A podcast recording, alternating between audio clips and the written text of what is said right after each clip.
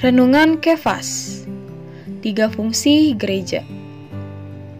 1 Timotius pasal 3 ayat 15 berkata Jadi jika aku terlambat Sudahlah engkau tahu bagaimana orang harus hidup sebagai keluarga Allah yakni jemaat dari Allah yang hidup tiang penopang dan dasar kebenaran.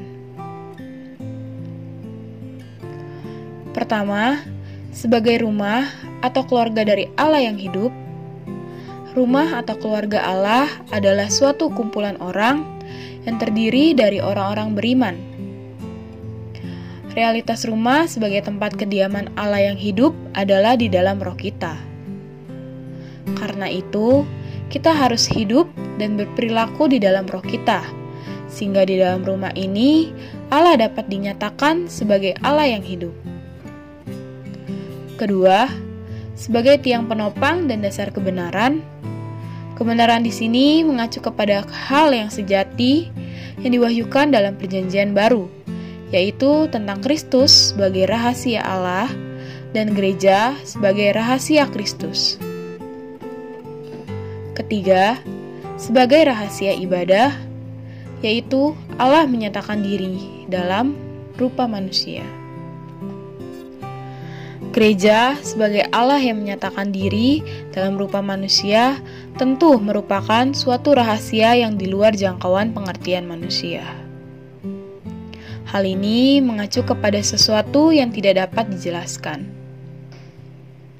Apa yang kita perbuat dalam hidup gereja? Kita sedang mengekspresikan Allah. Banyak manusia yang lain mungkin tidak mengerti hal ini Ketika gereja-gereja mencapai standar Allah seperti ini, maka di satu pihak para malaikat akan bernyanyi dan bersuka cita. Di pihak lain, setan-setan dan malaikat-malaikat jahat akan gemetar. Karena mereka menyadari bahwa pada akhirnya gereja akan menghukum mereka, yaitu akan membuat mereka tercampak ke dalam lautan api. Poin penting yang pertama, Sebutkan tiga fungsi gereja menurut 1 Timotius pasal 3. Poin doa, kita perlu berdoa agar dapat memiliki kehidupan gereja yang normal dan kehidupan kita diri Allah boleh tertampil keluar.